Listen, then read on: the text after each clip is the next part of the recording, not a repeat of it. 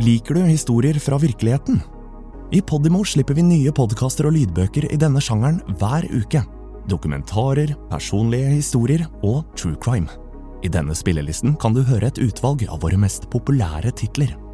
Podimo. Podkast og lydbøker i én og samme app. Gjenklang.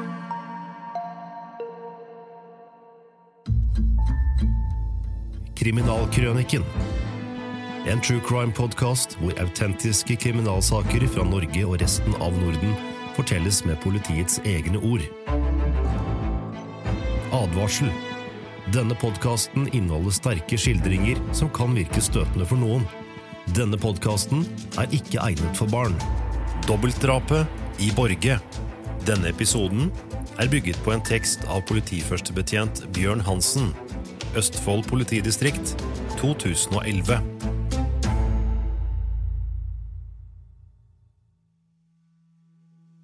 Etter en helt vanlig arbeidsdag tirsdag 29.11.2005 reiste de ansatte ved Fredrikstad politistasjon hjem etter endt skift. Lite visste de hva den påfølgende natten ville gi dem av arbeid i dager og måneder fremover. Klokken 01.31 natt til onsdag ringte en mann til operasjonssentralen i Østfold og forklarte at han hadde skutt samboeren sin og hennes datter i deres hjem i Borge. Han fortalte videre at han befant seg på parkeringsplassen til Borge kirke, hvor han satt i bilen sin og var bevæpnet. Flere bevæpnede patruljer ble sendt til Borge kirke. Samtidig ble det sendt politi og helsepersonell til adressen som mannen hadde oppgitt som sin bopel.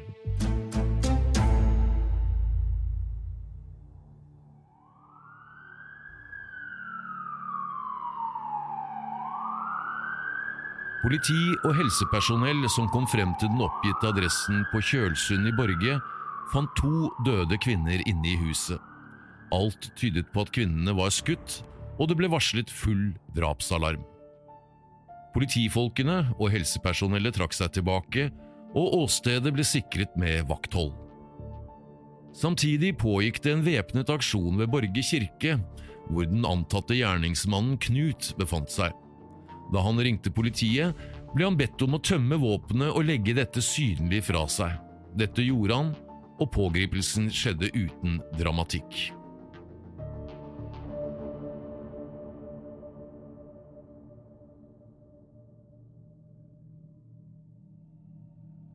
Ledelsen i politidistriktet ble varslet, og etterforskere fra Fredrikstad politistasjon ble etter hvert kontaktet og innkalt for å sette i gang etterforskningen.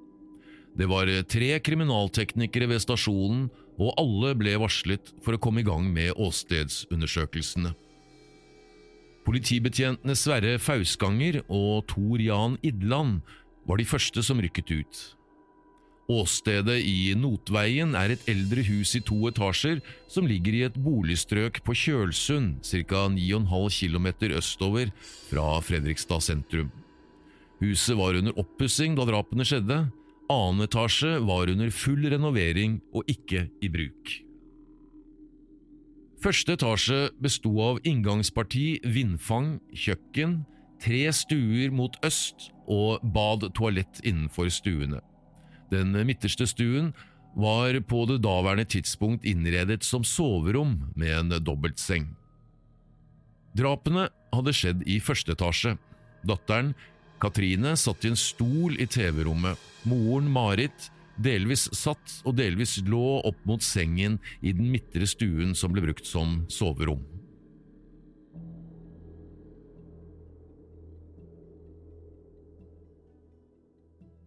Knut og Marit hadde vært samboere i seks år da drapene skjedde. Det var Marit som eide huset, og Knut hadde flyttet inn til henne like etter at de traff hverandre. Marits datter Katrine bodde hjemme. Hun hadde ikke akseptert at moren tok inn en ny mann i huset, og det ble stadige konflikter mellom Katrine og Knut på grunn av dette. Knut forsøkte å holde litt avstand og overlot oppdragelsen til moren, men han hadde reagert og forsøkt å rettesette Katrine når hun hadde vært stygg mot moren og slått henne. Hvis Knut forsøkte å megle og gå imellom, ble han selv skjelt ut. Slik fortsatte forholdet inntil datteren fikk seg kjæreste. Katrine og kjæresten fikk seg en leilighet i Moss. Dette ble en lettelse både for Knut og Marit. Nå kunne de gjøre som de selv ønsket. Etter dette bodde de store deler av året i Marits leilighet i Spania.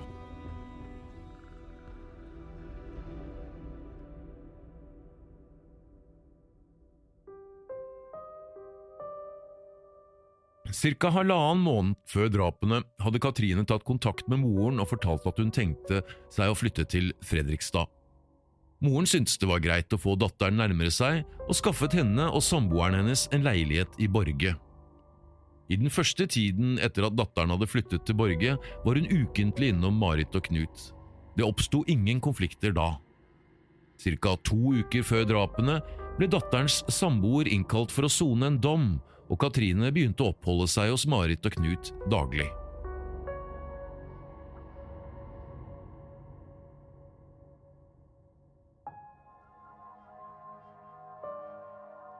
Mandag 28. november ble Katrine lagt inn på sentralsykehuset Østfold Fredrikstad for å foreta et mindre kirurgisk inngrep.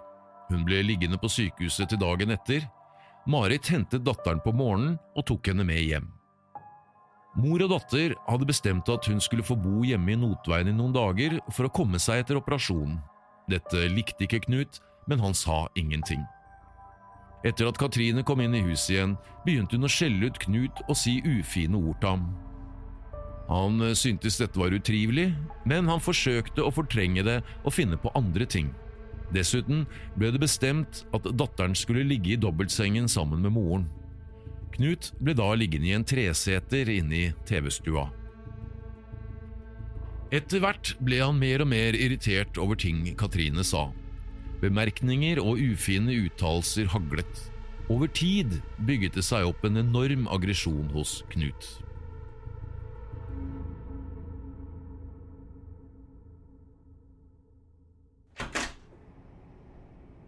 Tirsdag den 29. november kom datteren inn i huset til Knut og Marit igjen, og trakasseringen mot Knut fortsatte.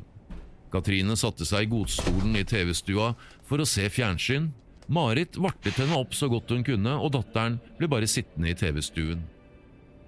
Katrine kom stadig med ufine uttalelser til Knut, slik som du er feit og ekkel, og jeg kan ikke skjønne at noen vil ha noe med deg å gjøre. Dette var Knut vant til å høre, og han reagerte ikke noe på det da. Etter hvert bestemte han seg for å forlate huset for å gjøre noen ærend. Han var alene og kjørte en tur til Svinesund for å handle litt. Han kjørte også en tur innom gamlebyen i Fredrikstad. På kjøreturen kontaktet han broren sin og lurte på om det var mulig å få bo hos ham i noen dager. Broren var positiv til det, men han fortalte at alle var syke i familien. Det ble derfor ikke noe av dette.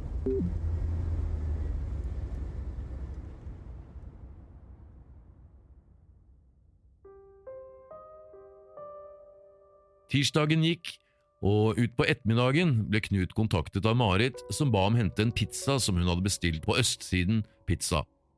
Knut hentet denne, og kjøpte med noe brus og saus til pizzaen. Da han kom hjem, var ikke dette bra nok for datteren, som ga tydelig uttrykk for at det var ikke slik hun ville ha det. Knut hadde diabetes og hadde kjøpt lettbrus. Dette falt ikke i smak hos datteren, og dette fikk Knut høre. Han ble kjeftet huden full. Dette dritet ville hun faen ikke ha. Knut sa at dersom hun ønsket seg noe annet, kunne hun dra av gårde og kjøpe det sjøl. Datteren var ikke så syk, hun kunne fint ordne saker på egen hånd. Knut tok med seg et par pizzabiter ut på kjøkkenet og spiste de der. Samtidig tok han seg to drammer med vodka og forsøkte å kose seg så godt han kunne. Etter en stund spurte han Marit om hun kunne kjøre han til gamlebyen for å komme litt vekk hjemmefra. Det var ikke noe problem, og Marit kjørte Knut av gårde. Han var innom flere steder, og en del alkohol ble konsumert. Han hadde dessuten tatt med seg vodkaflaska som han drakk opp mens han gikk rundt i gamlebyen. Etter en stund ringte han til Marit og lurte på om hun kunne hente ham. Marit kom og hentet ham, og da foreslo han at de kunne kjøre innom en pub på østsiden. Det var greit. Knut drakk noen halvlitere øl, mens Marit drakk kaffe. Etter dette reiste de hjem til Notveien.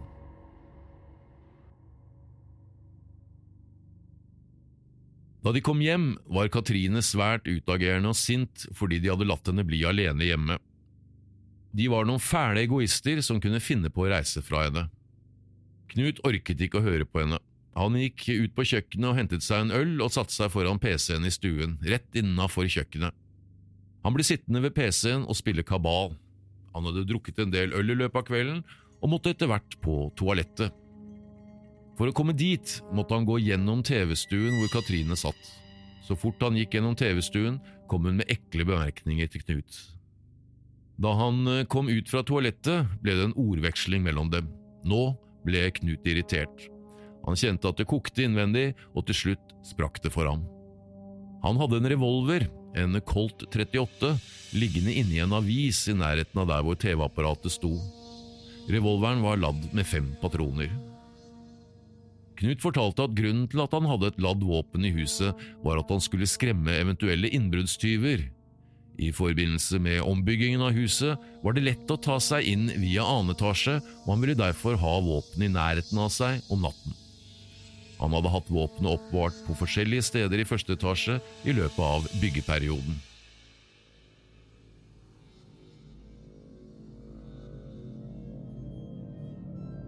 Da det sprakk for Knut, fant han frem våpenet og rettet det mot Katrine. Han mente selv at han handlet i affekt da han avfyrte to skudd mot henne. Omtrent samtidig med at han skjøt mot Katrine, kom Marit løpende inn i stua. Hun skrek og løp rett mot ham. Knut rettet nå revolveren mot Marit og avfyrte også to skudd mot henne. Hun ble kastet bakover og ble liggende delvis lent opp mot dobbeltsengen. At skyteepisoden skjedde ca. klokka 23 tirsdag kveld.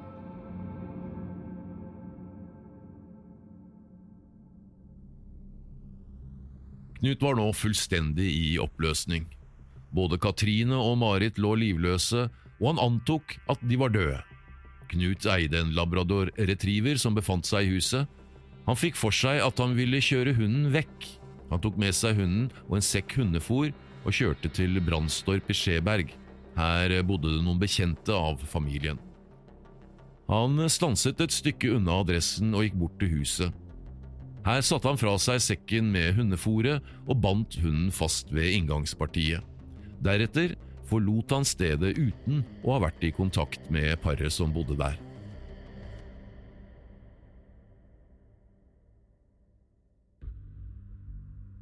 Knut fikk det for seg at kanskje Marit ikke var død. Han kjørte derfor tilbake for å sjekke. Da han kom inn i huset, lå eller delvis satt både Katrine og Marit i samme stilling som da han forlot huset. Han forsto da at begge var døde. Nå begynte det virkelig å gå opp for ham hva han hadde gjort. Han bestemte seg nå for å ta sitt eget liv. Uten å gi noen god grunn bestemte han seg for å kjøre til Borge kirke for å gjøre dette. Han hadde tatt med seg revolveren, hvor det fortsatt satt en skarp patron i tønna. Da han kom frem til kirken, parkerte han og gikk ut av bilen. Han tok frem revolveren og rettet den mot hodet. Før han trakk av, ombestemte han seg og tenkte det var feigt å gjøre dette. Han ville ta konsekvensene av sine handlinger. Knut ringte til politiet og fortalte hva han hadde gjort og hvor han befant seg.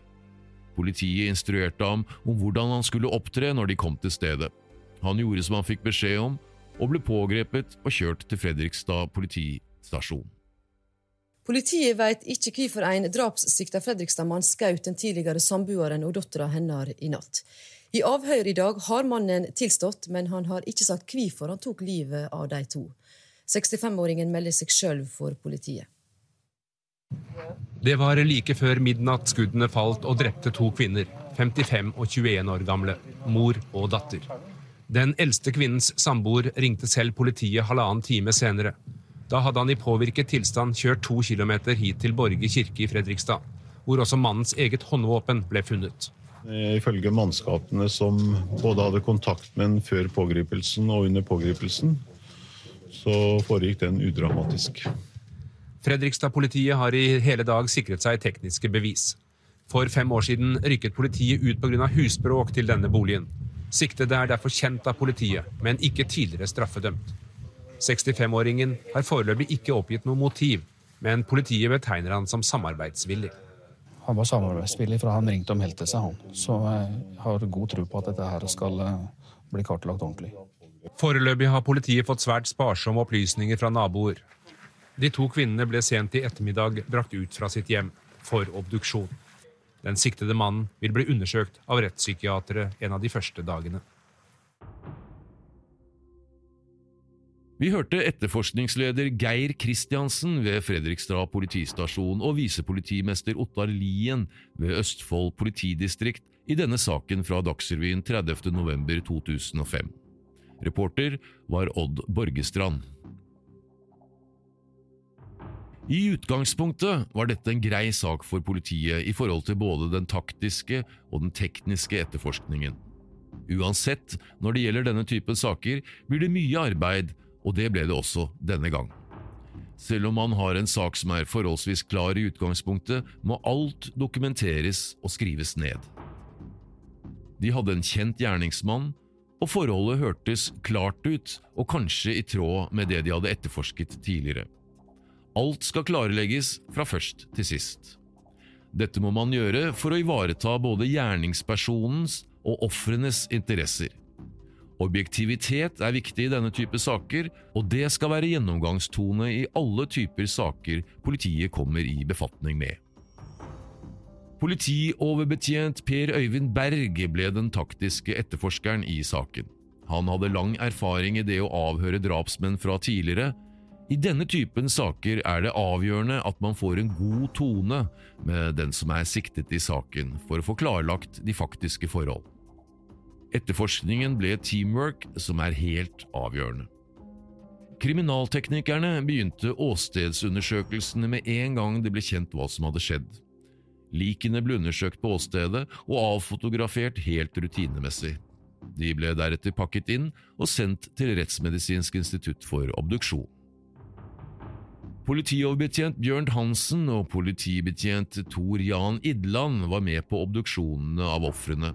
Kripos ble bedt om bistand i forbindelse med obduksjonene.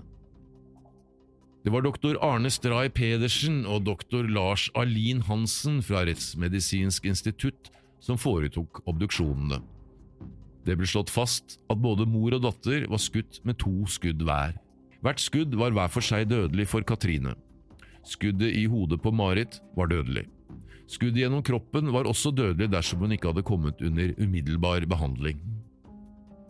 Rutinemessige prøver ble sikret, og to prosjektiler ble funnet og sikret ved obduksjonen. Ett fra hodet til et av ofrene. To prosjektiler ble også sikret på åstedet. Alle prosjektiler og fragmenter ble undersøkt og sammenlignet opp mot revolveren som siktede hadde vært i besittelse av. Konklusjonen fra Kripos var at samtlige patroner var blitt avfyrt fra revolveren tilhørende siktede.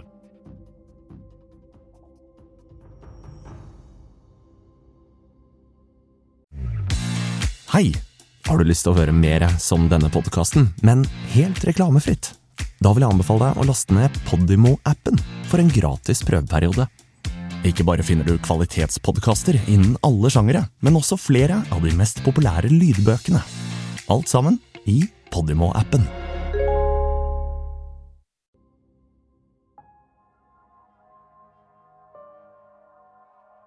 Åstedet i Notveien ble undersøkt over flere dager. Det ble sikret prøver, gjenstander, forskjellige avtrykk, og alt ble fotodokumentert. Mye av materialet ble sendt inn og undersøkt ved Rettsmedisinsk institutt i forhold til biologiske spor.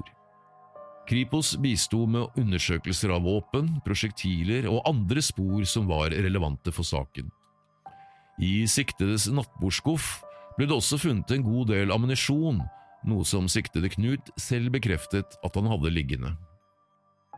En oppsummering av de prøver og spor som ble sikret på åstedet, bekreftet at han ble knyttet til åstedet og det han hadde utført der, selve drapshandlingen.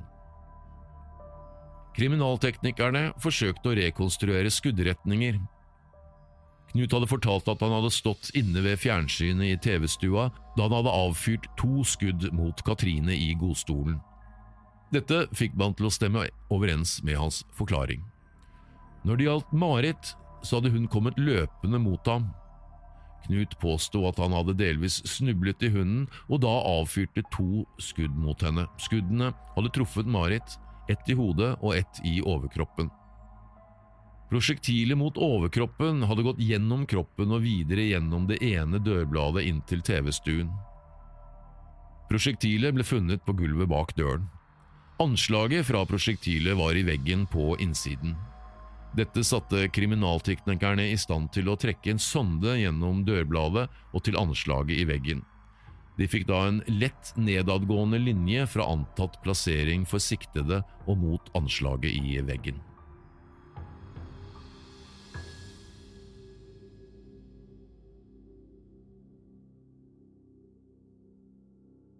I forbindelse med den taktiske etterforskningen ble Knut avhørt i dagene og ukene som fulgte. Han la alle kortene på bordet og fortalte om hendelsesforløpet slik han mente og husket at det var. Det fremkom ingen opplysninger om familien som kunne si noe om at det skulle ende opp med en tragedie. Det hadde vært en god tone og et ikke for nært forhold til naboene. De hadde hilst på hverandre og slått av en prat i ny og ne. Det hadde vært en god del trafikk til og fra adressen deres, men dette var av byggearbeidene som hadde pågått over en lengre periode. Den aktuelle kvelden var det et vitne i nabolaget som hadde hørt at det ble avfyrt skudd. Fire i rask rekkefølge. Han hadde stått ute på verandaen og tatt seg en røyk da han hørte dette. Han mente at skuddene kom fra Notveien, men kunne ikke si eksakt hvor de kom fra. Han hadde sett på klokken at den viste 22.53. Han mente at det måtte være skudd, og anså dette som høyst unormalt. Han hadde mange tanker i hodet og tenkte at det kunne være skudd mot blink, prøving av et våpen eller avlivning av et dyr. Han mente også at det kunne høres ut som om skuddene ble avfyrt utendørs. I etterkant hørte han noen ubestemmelige lyder som han mente kom fra mennesker. Det var ikke skriking eller høyt snakk, og lydene ble raskt stille igjen. Han hadde heller ikke hørt lyden fra kjøretøy. Der og da reflekterte han ikke noe mer over dette og gikk inn igjen i huset og la seg.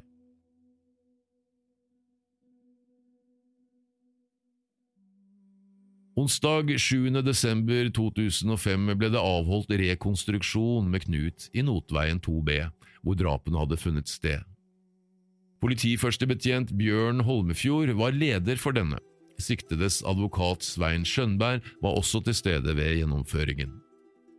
Kriminalteknikerne tok bilder og fotodokumenterte det som siktede forklarte i de forskjellige situasjonene. De hadde også med figuranter for de drepte politibetjent Anita Lien for moren Marit og politibetjent Eva Tvete Berger for datteren Katrine.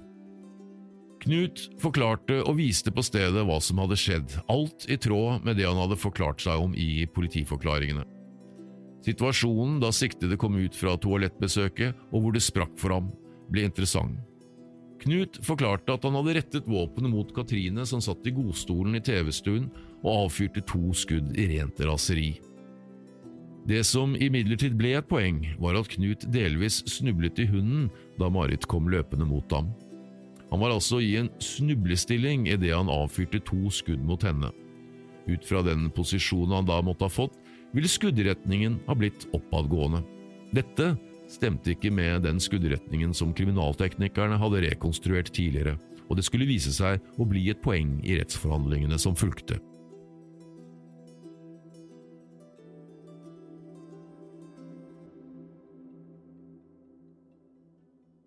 Knut ble varetektsfengslet etter drapene, og ble sittende i varetekt inntil saken kom opp i Fredrikstad tingrett 14.9.2006. Underveis hadde han byttet forsvarer fra Svein Skjønberg til advokatfirmaet Morten Furuholmen AS, og senere til advokat Jon Christian Elden. Knut ble ved tiltalebeslutning av Oslo statsadvokatembeter 7.juli.2006 satt under tiltale ved Fredrikstad tingrett for overtredelse av straffelovens paragraf 233 første ledd for å ha forvoldt en annens død. Rettssaken ble berammet til torsdag 14.9.2006 med hovedforhandling i Fredrikstad tingrett. og det var satt av tre dager. Det ble i alt ført 15 vitner under saken. Statsadvokat Tor Henning Knutsen var aktor. Knut erkjente seg skyldig etter tiltalen og forklarte seg i tråd med tidligere avgitte forklaringer til politiet. Av rettens bemerkninger siteres følgende. Tiltalte Knut er en erfaren jeger og baneskytter. Han har hatt våpen siden han var helt ung, og var godt kjent med våpenet. Retten anser det ikke mulig at han har skutt to fulltreffere ved et uhell og mens han var i ubalanse. Skuddretningen er ovenfra og ned, og stemmer ikke med tiltaltes forklaring om at han skjøt nedenfra og opp etter å ha snublet i hunden. Det er ikke mulig at to slike skudd går av helt ved et uhell. Det bemerkes også at Katrine og Marit er drept på akkurat samme måte med ett skudd i kroppen og ett i hodet.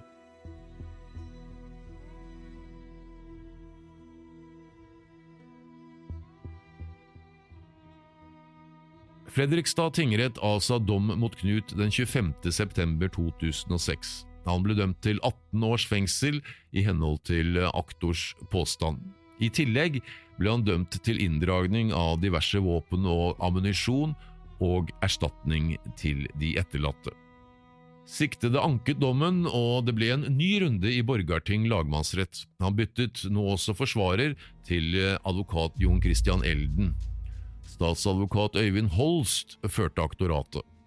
Ankeforhandlingen ble avholdt i Sarpsborg tinghus i tiden 24. til 27. april 2007. Lagmannsretten er andre nivå i det norske domstolssystemet og ankedomstol i straffesaker, også i sivile saker. Siktede hadde erkjent at drapet på Katrine var forsettlig, men at drapet på hennes mor var uaktsomt. Han hadde snublet i hunden og greid å avfyre to skudd med en revolver. Dette ble han ikke trodd på, han hadde derfor anket over dette punktet og straffeutmålingen. I lagmannsretten ble han dømt for forsettlig drap mot både mor og datter. Han fikk imidlertid redusert straffen til 16 års fengsel. Erstatningskravet og inndragning av våpen fra dommen i tingretten ble opprettholdt. Påtalemyndigheten anket over straffeutmålingen til Høyesterett. Anken var utferdiget etter ordre fra Riksadvokaten. Knut, sammen med sin forsvarer, fremmet en motanke i saken. Høyesterett avsa dom den 20. september 2007 og kom til at påtalemyndighetenes anke ikke kunne føre frem, og at straffen burde settes noe lavere enn det lagmannsretten hadde gjort. Siktede ble dømt til 15 års fengsel.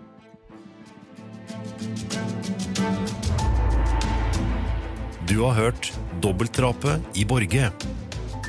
Denne episoden er bygget på en tekst av politiførstebetjent Bjørn Hansen. Forteller Hans Olav Tyvold. Produsenter Marianne Moe og Sam Roman.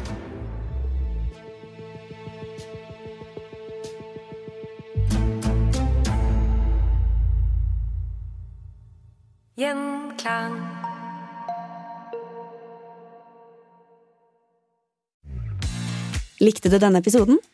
Så del den, da vel. Fortell en venn hva du hører på, og gi følelsen av god lytting i gave til noen du bryr deg om.